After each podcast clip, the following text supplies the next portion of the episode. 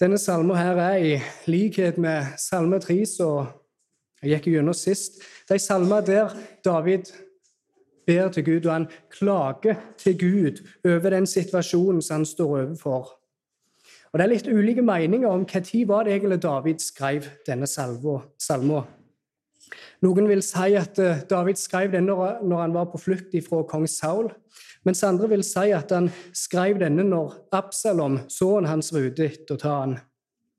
Sjøl vil jeg si at det er det siste som gir mest mening, at det var når Absalom forfulgte David. Ikke nødvendigvis at David rett etter han hadde skrevet Salme 3, så begynte han på Salme 4 rett etterpå, men at det var i sammenheng med når Absalom forfulgte David. Og jeg vil si at uh, dette gir mening. Når vi leser begge salmene, så ser vi at det er en del likhetstrekk mellom dem. Både med det som blir sagt, men også hva som er tema i salmen. Selv om at jeg syns at dette gir mest mening at uh, David skrev denne når han var, uh, ble forfulgt av Absalom, så er ikke det noe jeg nødvendigvis vil være veldig bombastisk på når det tross alt er litt ulike meninger om det. Men jeg syns likevel det er det som vil gi mest mening. Og Temaet i Salme 3, som jeg gikk gjennom sist, handler om det å ha tillit til at Gud frelser.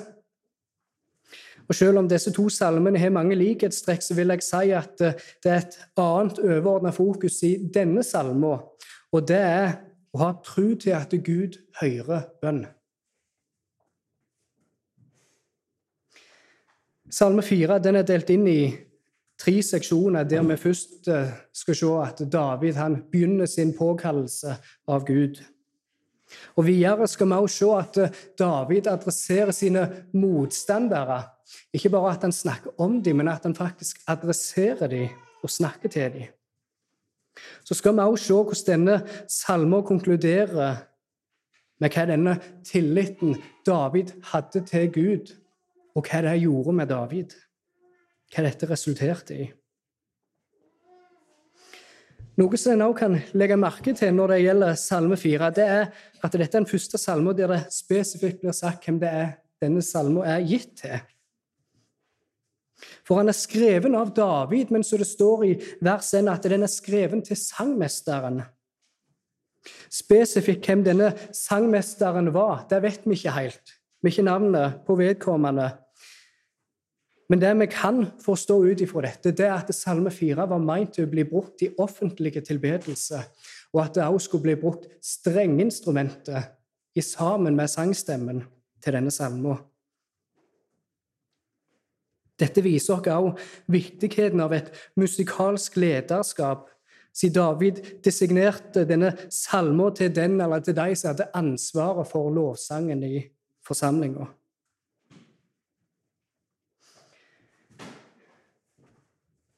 David begynner med å adressere Gud og sier, 'Svar meg når jeg roper min rettferdighets Gud.' Du er letta min trengsel. Vær meg nådig og hør mi bønn. Her lærer vi to viktige sannheter i det David først sier. Når han kaller Gud for 'min rettferdighetsgud', så lærer vi to viktige ting. Det ene vi lærer, er at Gud er en rettferdig Gud. Gud han er en Gud som gjør det som er rett. Når han handler med mennesker, så gjør han det som er rett i sine egne øyne, og på grunnlag av hans rettferdighet, som er en del av hans attributter. Og uh, Vi lærer også det at uh, Gud er David sin rettferdighet.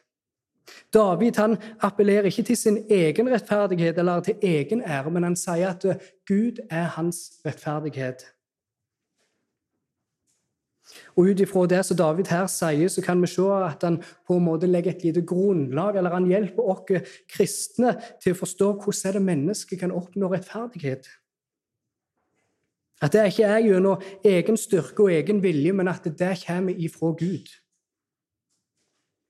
Det kommer ifra Gud, som på grunn av Jesus sitt fullbrakte verk på korset og hans oppstandelse for de døde, så blir Guds rettferdighet tilregnet oss når vi tror på Han. Og dette her er viktig å forstå. dette med at David sier at Gud er hans rettferdighetsgud. Det er viktig å forstå, ikke bare for læren om rettferdiggjørelsen i seg sjøl, men også pga. anklagene som David får imot seg, som vi skal se senere i salmen. David han kaller på Gud og sier at Gud er hans rettferdighetsgud. Gud han er han som rettferdiggjør David, ikke bare for evigheten, men også for nåtida, framfor sine fiender. Og I denne salmen så ser vi et nytt og et godt eksempel på Davids tillit til Gud. David han er i trengsel, som han så ofte var, både fra kong Saul eller Absalom eller andre fiender. Han måtte stå og møte mange kamper og fiender. Men selv om at omstendighetene var såpass harde som de var for David, selv om at han var trua hele veien, så gjorde det ikke dette at han i sin sorg og i sin nød sank så langt ned at han bare ga opp. Men han lufta blikket og så opp på Gud. Han lufta blikket og så på den Gud som hadde reddet han ifra så mange fiender tidligere og ifra så mange vanskeligheter. For som vi kan lese at David sier, 'Du har lettet min trengsel'. Han appellerer til tidligere hendelser der Gud har frelst David ifra fiender.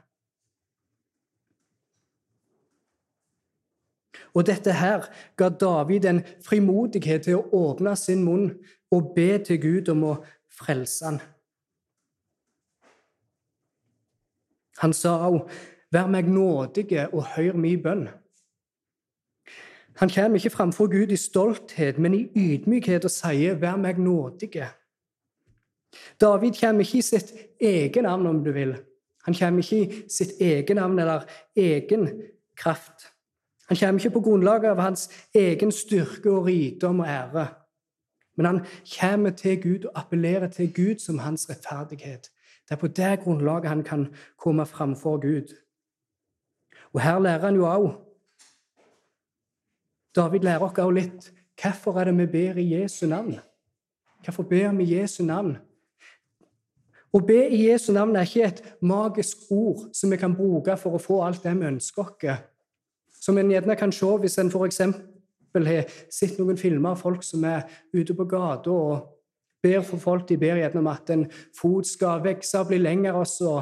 Hvis det er sitt klipp, så er det gjerne sitt. Hvis foten vokser litt, så sier de 'i Jesu navn', i Jesu navn. Som om det skulle vært et magisk ord som skal utløse noe.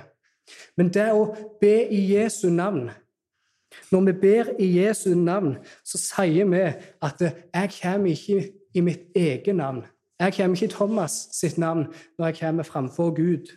For i meg sjøl er det ingen rettferdighet, men jeg kommer framfor deg, Gud. I din sønn Jesu Kristi navn så er min rettferdighet. Han er min rettferdighet, og det er på grunnlag av hans frelsesverk og hans oppstandelse at vi nå kan trø framfor Gud med frimodighet og be til Han, sånn som David gjorde. Salmer begynner med at David vender sitt blikk opp imot Gud. Men så ser vi også at det skjer et lite skifte, et interessant skifte, der han begynner å adressere sine motstandere. Og han adresserer dem nå på grunnlag av noe som de gjorde imot ham, som vi kan lese fra vers 3. Hvor lenge, dere menneskebarn, skal min ære være til skam? Hvor lenge vil dere elske tomhet og søke løgn? Sela. Hvor lenge, sier David. Hvor lenge? Litt liksom vi kan lese i Åpenbaringen 6 om dette femte seilet som lammet åpna, der vi kan lese om martyrene som, uh, som lider døden på grunn av Guds ords skyld og pga. vitnesbyrdet som de holdt fast med. Og de roper ut til Gud Hvor lenge, Gud, før du vil, før du vil hevne blodet vårt over de som bor på jorda? Vi ser at martyrene også roper ut hvor lenge, akkurat som David gjorde.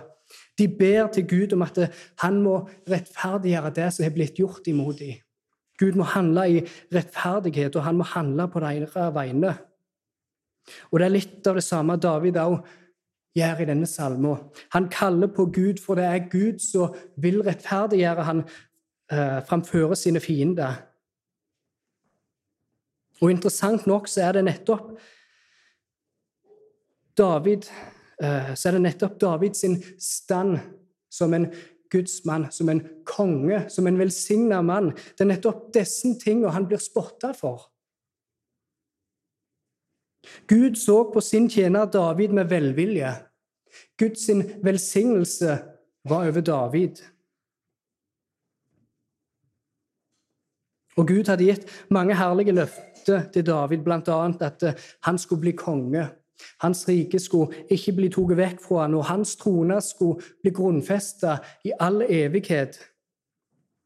Han skulle gi ham seier og velsignelse, og Messias skulle komme ifra hans slekt. Alle disse løftene som Gud hadde gitt til David, dette var Davids ære, og det var dette de spotta han for, hans motstandere. Og David spør hvor lenge skal de se på forakt, eller hvor lenge skal de se med forakt på Han som Gud velsigner? Hvor lenge skal de se med forakt på Han som Gud velsigner? Og dette spørsmålet hvor lenge indikerer jo at dette her er ikke bare noe impulsivt som plutselig skjedde, men at dette her var noe som var bygd på en forakt for David over lengre tid, noe som hadde fått sleie rot i deres hjerte og fikk mer sitt utløp nå imot han. Og han kaller dem for menneskebarn, disse som spotter David. Og Dette er noe som Calvin mente var et ironisk uttrykk for de som ser på seg selv som edle og vise, men som egentlig bare er dreven av misunnelse og raseri imot den som Gud har sett sin velsignelse til. David spør hvor lenge vil de søke tomhet og løgn. Deres hjerter var fast bestemt på å skade David og gjøre skade på hans liv og gjøre vondt mot ham, og se at hans liv ble lagt i ruin, og at hans navn ble viska vekk. De ville ikke ha han som konge, de ville ikke at det var han som skulle styre. Og alle tanker som skulle tilsi at eh, David ikke var under Guds velsignelse, var bare tomhet og løgn. Men det var likevel løgnen og tomheten de søkte etter. Alle tanker som kunne reise seg imot at David ikke var en velsigna mann av Gud. Disse tankene og disse løgnstankene var det det de ville ha. Og Jeg syns det er interessant å se måten David adresserer dem på i denne salmen. Han kaller dem for menneskebarn, en, et begrep som er mer en ironisk beskrivelse av dem, da de ville være vise, men så viser det seg at de bare er dåraktige i sine hjerter, og de ønsker å gjøre David sin ære, den som Gud hadde gitt han, til skam. Og når David da svarer de, så er han ikke på defensiven. Men han går på offensiven. Han går hardt imot de som anklager, når han kommer med et tilsvar til dem. Og Denne offensiven som David nå inntar, kommer ikke pga. at David elsker en god kamp, eller han elsker kontroverser og ønsker å være i sentrum av dem. Men det som gjør David frimodig til å adressere sine motstandere på den måten som han gjør, det er av at han holder fast på den rettferdigheten og æren som Gud hadde gitt ham. Han holder fast med den. Det er den tilliten David har til Gud, som gjør at David faktisk våger å gå på offensiven imot sine motstandere. For på tross av hvor mange de var, og på tross av hvor lenge de holdt på, hvor harde angrepene var, så har David tro på at Gud vil rettferdiggjøre ham framfor hans fiende. Gud vil føre hans sak.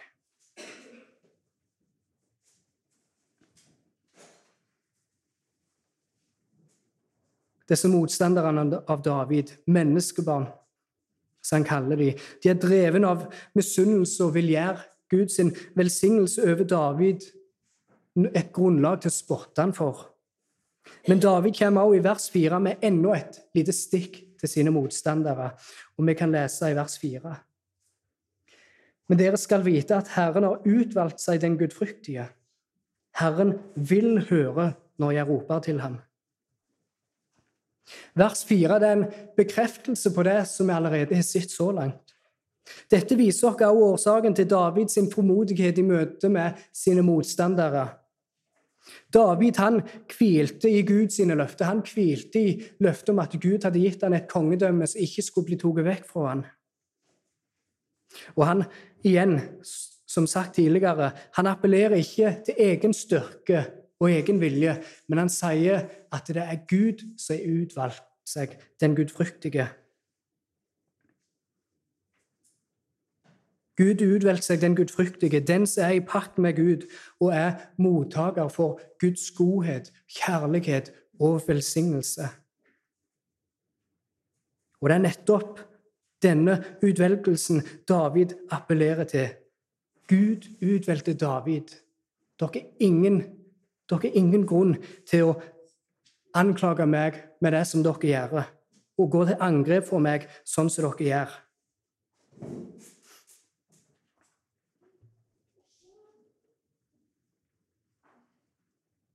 Og dette ordet 'utvalgt' som står her, kommer fra det hebraiske ordet 'fala', som betyr å sette til sides. Og Det er derfor en også kan lese i en del engelske oversettelser av Bibelen av dette samme verset, så kan en lese But know that the Lord has set apart the godly for himself. Det vil si at Gud har sett til sides den gudfryktige for seg sjøl. Noe så igjen ikke et verk av oss. Det var ikke et verk av David, men det var et verk av Gud.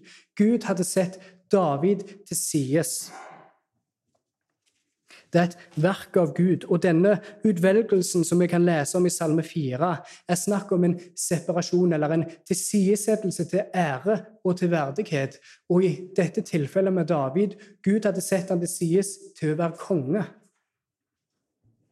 Og det er som om, her, er som om David her sier til sine motstandere at eh, dere vil kun anerkjenne den kongen som dere sjøl får velge.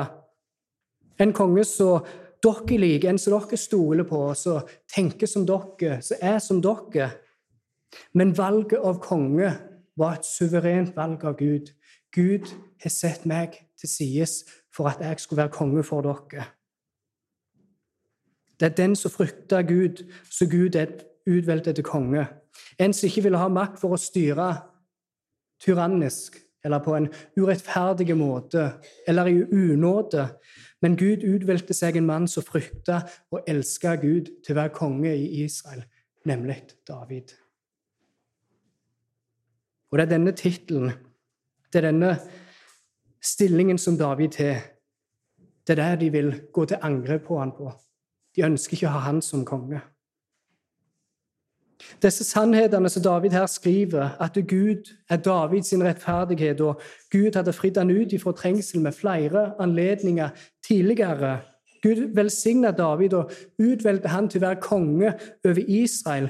Alt dette gjør at David med frimodighet kan si som han gjør i slutten av vers 4, som også går inn under tittelen på talen i dag, at Herren vil høre når jeg roper til ham. Alle disse tingene, alle disse sannhetene er bekreftelse for David at ja, Gud vil høre min bønn. Han vil høre min bønn, og han vil forsvare sine. Gud vil høre bønnen til de som tror på han. Gud hører dine bønner. Og Gud, som er kong David, han ville ikke starte et verk med han for å så bare forlate det. David hadde full tillit til at det Gud hadde begynt med, ikke han skulle Gud fullføre. Og vi kan ha samme tilliten sjøl. Det verket Gud starta i oss, vil han fullføre. Og måtte det gi oss formodighet til å stole på at Gud vil høre vår bønn. David fortsetter med å formane sine motstandere, som vi kan lese i vers 5. Og vi leser Blir dere vrede, så synd ikke. Grunn i deres hjerte på deres leie, og vær stille. Sela. Hva er det sentrale problemet her?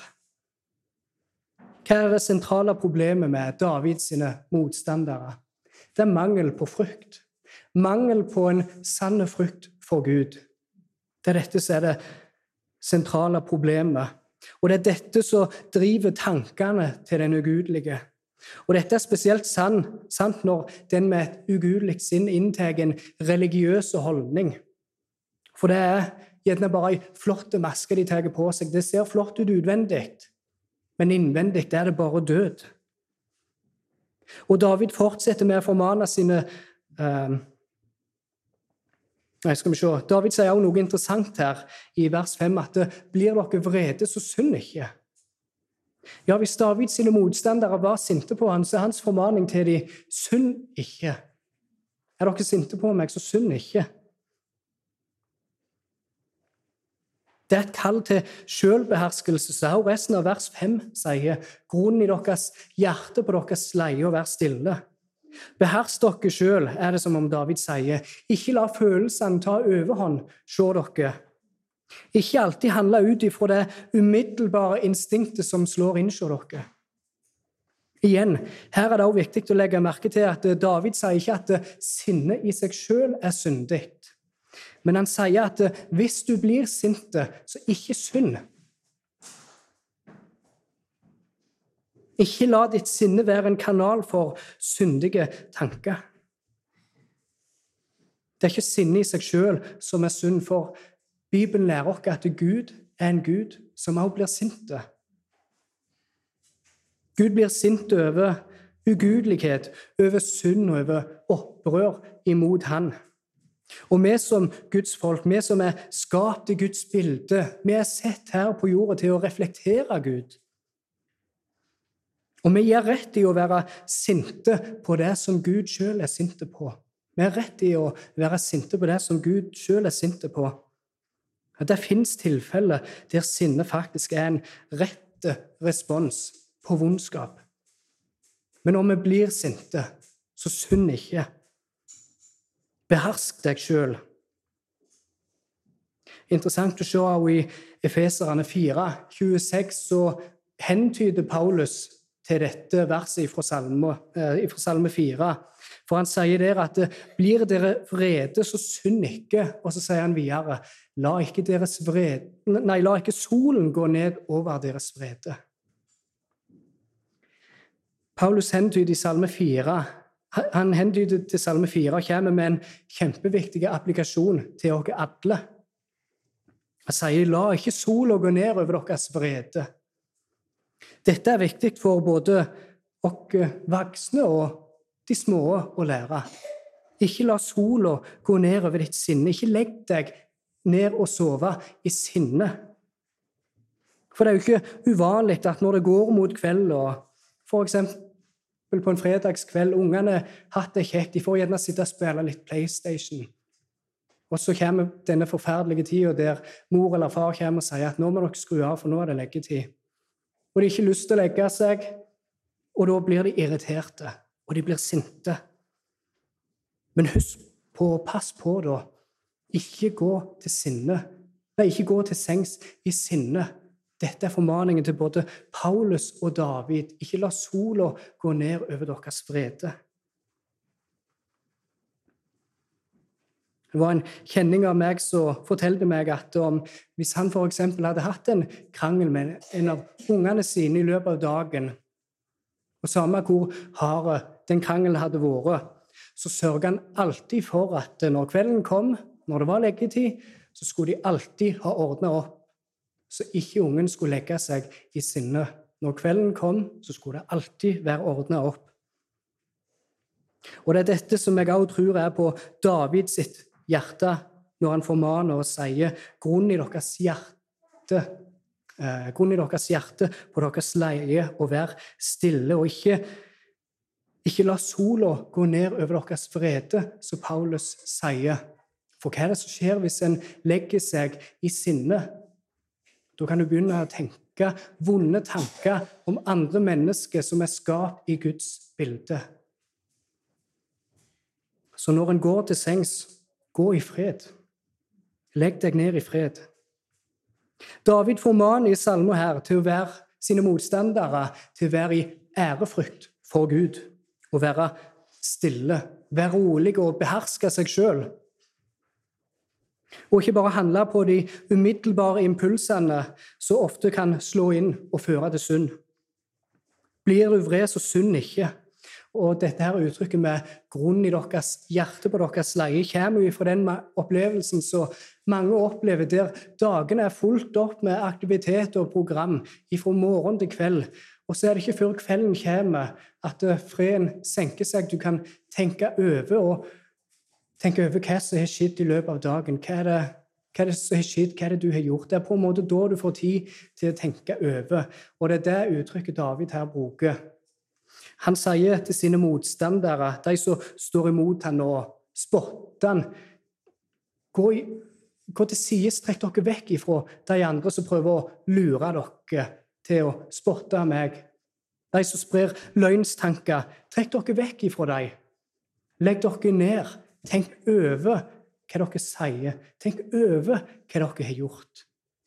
For kvelden, når en legger seg ned på sengekanten, så er det en tid til, for mange til å tenke på dagen og reflektere over dagen. Og David bruker dette uttrykket til sine motstandere i håp om at de faktisk skal kunne reflektere og når de forhåpentligvis har fått reflektert og fått samla tankene sine, og forhåpentligvis har omvendt seg for si synd, så sier David til dem, stol på Herren. Ofre og søk Herren, er det David sier. Det er et kall til omvendelse for de her òg, i denne teksten. Og når David her sier offre, snakk om det å ofre rettferdighetsoffer, så tror jeg at det er snakk om å være i tilbedelse av Gud i tru. I tru, ikke bare gjøre noen form for ytre handlinger, men å gjøre det i tru og tilbe Gud i tru. Å komme i tilbedelse til Gud som er etter loven og etter Guds behag. Og Tenk deg når David var på flukt ifra Absalom.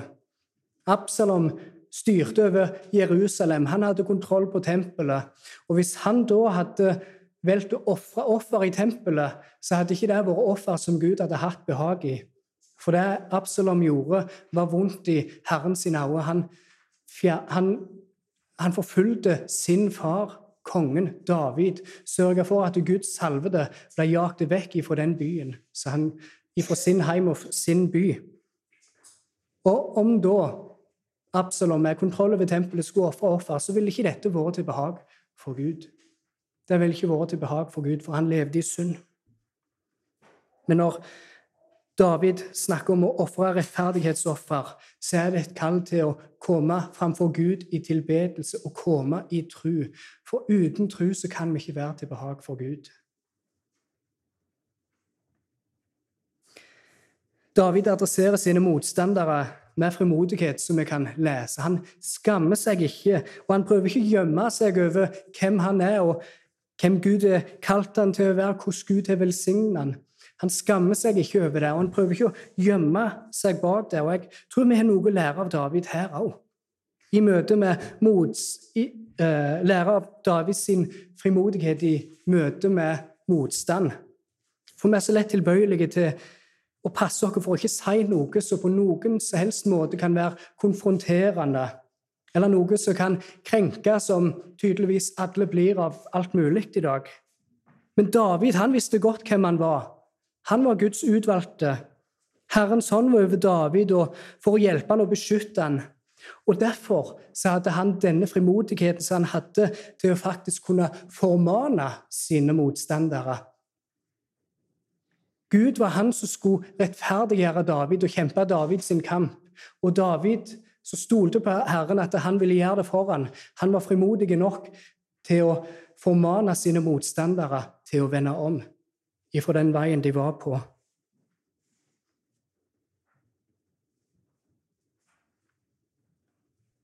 Davids formaning til sine motstandere det er slutt å synd. Tenk over det dere gjør og stol på Herren. I de siste tre versene av salmen så ser vi David som er i en tilstand av tilfredshet med at han er i Guds hender og i Guds beskyttelse, så vender han seg igjen til Gud i bønn. Og vi kan lese fra vers 7 av. Det er mange som sier, 'Hvem vil vise oss det gode?' Herre, løft ditt ansikts lys over oss. Du har gitt meg glede i hjertet, mer enn de andre da de fikk korn og vin i overflod. I fred vil jeg både legge meg ned og sove, for du, Herre, bare du lar meg bo i trygghet. Det er mange som sier, sier David, litt, litt, igjen med det som vi kan se i Salme 3, at det er mange av de som sier til min sjel det er ingen frelse for han se Gud. Og de, disse skeptikerne de spør hvem vil vise oss det gode? Hvem vil velsigne oss med materielle gode og rikdom? Skeptikerne ønsker seg mer materielle gode og mer fysiske rikdom, men David kommer med et enda bedre alternativ til dem. Han kommer med et enda bedre alternativ, og han forteller dem om en enda bedre velsignelse. Og han sier i sin bønn, 'Herre, luft ditt ansiktslys over oss'. Svaret på spørsmålet til disse skeptikerne ligger i Guds åsyn. Det ligger hos Gud. Hvem vil vise oss det gode? Jo, Gud. Gud vil vise oss det gode. Den fred, den glede og den velsignelse David har, den har han ifra Gud. På grunn av at han søker Guds åsyn. Han søker Gud i bønn og i tillit. I trengsel så vender han seg til Gud. I gode tider så takker han Gud. David hadde sitt blikk festa på Gud i alt. Og David sier at Gud hadde gitt ham glede, og denne gleden var så mye mer verdt enn den gleden som korn og vin i overflod kunne gi. Den gleden som David hadde, var mer verdt enn all materielle gode som verden kunne gi. Han hadde fred med Gud, og Guds velsignelse hvilte over ham. Og han hadde en glede som ingen annen kunne måle, som ingenting annet kunne måle seg med. En glede i Herren som var mer verdt enn overflod av både korn og vin som et tegn på stor rikdom. Igjen, midt i trengsel, så ser vi David i tillit. Ikke har han bare tillit til Gud, men han er fullt av glede midt i dette. For når David visste at han var i Guds hender, at han levde under Guds velsignelse, så ikke, kunne han ikke gjøre noe annet enn å faktisk være lykkelig og glad for dette. Og være salige, som vi har sett tidligere. Denne gleden i Herren, tilliten og troa på at Gud svarte David sine bønner, topper han med å si i det siste verset at i fred vil jeg legge meg ned og sove. For du, Herre, bare du lar meg bo i trygghet. I likhet med vers 6 i Salme 3, der David sier, 'Jeg la meg ned og sovnet. Jeg våknet opp, for Herren støttet meg.' I likhet med Salme 3 så ser vi David uttrykke sin tilfredshet. Se Gud. At han er trygg i Gud sine hender. Og han, eh, som vi også så David sa i vers 3, at eh, Herren vil svare min bønn. Den vissheten om at Gud ville svare Davids i bønn, gjorde at David faktisk i trengsel kunne legge seg ned og sove i fred. Han var ikke engstelig over om Gud hørte hans bønn. Han var ikke der at han var vaken hele tida pga. trengselen som han sto oppi. For han var heller ikke der at jeg ba jo litt om morgenen, jeg ba jo litt seinere på dagen. Og, men ba jeg nok? Ba jeg med rette ord? Brukte jeg feil ord? Sa jeg for mye? Sa jeg for lite? Det skjer jo ikke noe. Hørte Gud min bønn i det hele tatt? David tenker ikke sånn. Han sier ikke sånn. David var trygg, og han visste at Gud ville svare. Ja, det var mange som var etter han. Det var mange som ville fjerne han som konge, det var mange som ville se hans undergang. Men Gud hadde lovt å være med David. Gud hadde sett sin velsignelse over han, og Gud hadde med flere tilfeller frelst han ifra fiender, så sto han til livet. Dette vitnesbyrdet om Guds trofasthet ga David glede, det ga fred og trygghet, som gjorde at han faktisk kunne legge seg ned og sove. Det kom ikke an på de mest vel, velformulerte ordene. Og det kom ikke an på om han var i bønn 24-7, om Gud skulle høre han. Nei, Gud hører. Gud hørte David sine bønner. Gud var til stede i Davids sitt liv, og som et skjold så omsluttet han David. Og som en, Gud var som en hær for David som sto og beskyttet han og holdt vakt over han. Derfor kunne David legge seg ned i trygghet. Selv om jeg kan dra en del applikasjoner fra flere av disse versene som allerede sitter fra denne salmen, så vil jeg likevel avslutte med to viktige ut ifra denne salmen. Det første jeg vil nevne og komme med som en oppmuntring til oss alle, er at Gud vil lytte til vår bønn. Når vi kommer framfor Gud i ydmykhet, og som David sa, 'Vær meg nådig, Gud', når vi kommer framfor Gud i ydmykhet, og når vi trår framfor Gud i Jesu navn, at vi er representert i Jesus, så kan vi ha visshet om at Gud vil høre vår bønn. På grunn av at vi er representert i Jesus. Og vi som tror vi er Guds barn. Gud renser oss rene for vår synd. Gud har adoptert oss i sin familie. Vi kan ha visshet om at Gud hører bønn. Det andre siste jeg vil si, er at uh, trua vår Eller trua vår vet at Gud hører bønn. Disse to tingene heller sammen. Det første som en objektiv sannhet som Bibelen lærer oss, at Gud hører bønn. Gud ikke lukket sine ører for mennesket. Gud hører bønn i dag. Og trua Trua vår vet at Gud hører. Trua vår vet at Gud hører, og ikke har lukket sine ører. For når vi tror på Gud, så tror vi på en Gud som faktisk hører til vår bønn. Vi tror ikke, eller vi ber ikke til en død Gud. Vi ber ikke til en avgud som er lagd med menneskehender, men vi ber til den levende og sanne Gud, himmels og jorden skaper. Han som har frelst dere, han som elsker dere. Det er han vi ber til. Og Gud lytter til hver den som påkaller han. Så vær frimodige. Kom til, Gud, kom til Gud i bønn, og kom til Gud i Jesu navn. Rop opp til Gud. Gjør som David. Stol på at Gud vil svare. Selv i den verste trengselen en kan oppleve, så stol på Gud. Stol på at Gud vil høre din bønn. Han har ikke forlatt deg. Så stol på han, be til han. Og du skal få oppleve som David at eh, Gud vil la deg få hvile og få sove i trygghet. Selv om den hardeste trengsel står på, så er det dette Gud tilbyr oss. Trygghet, glede, fred som gjør at vi faktisk kan hvile.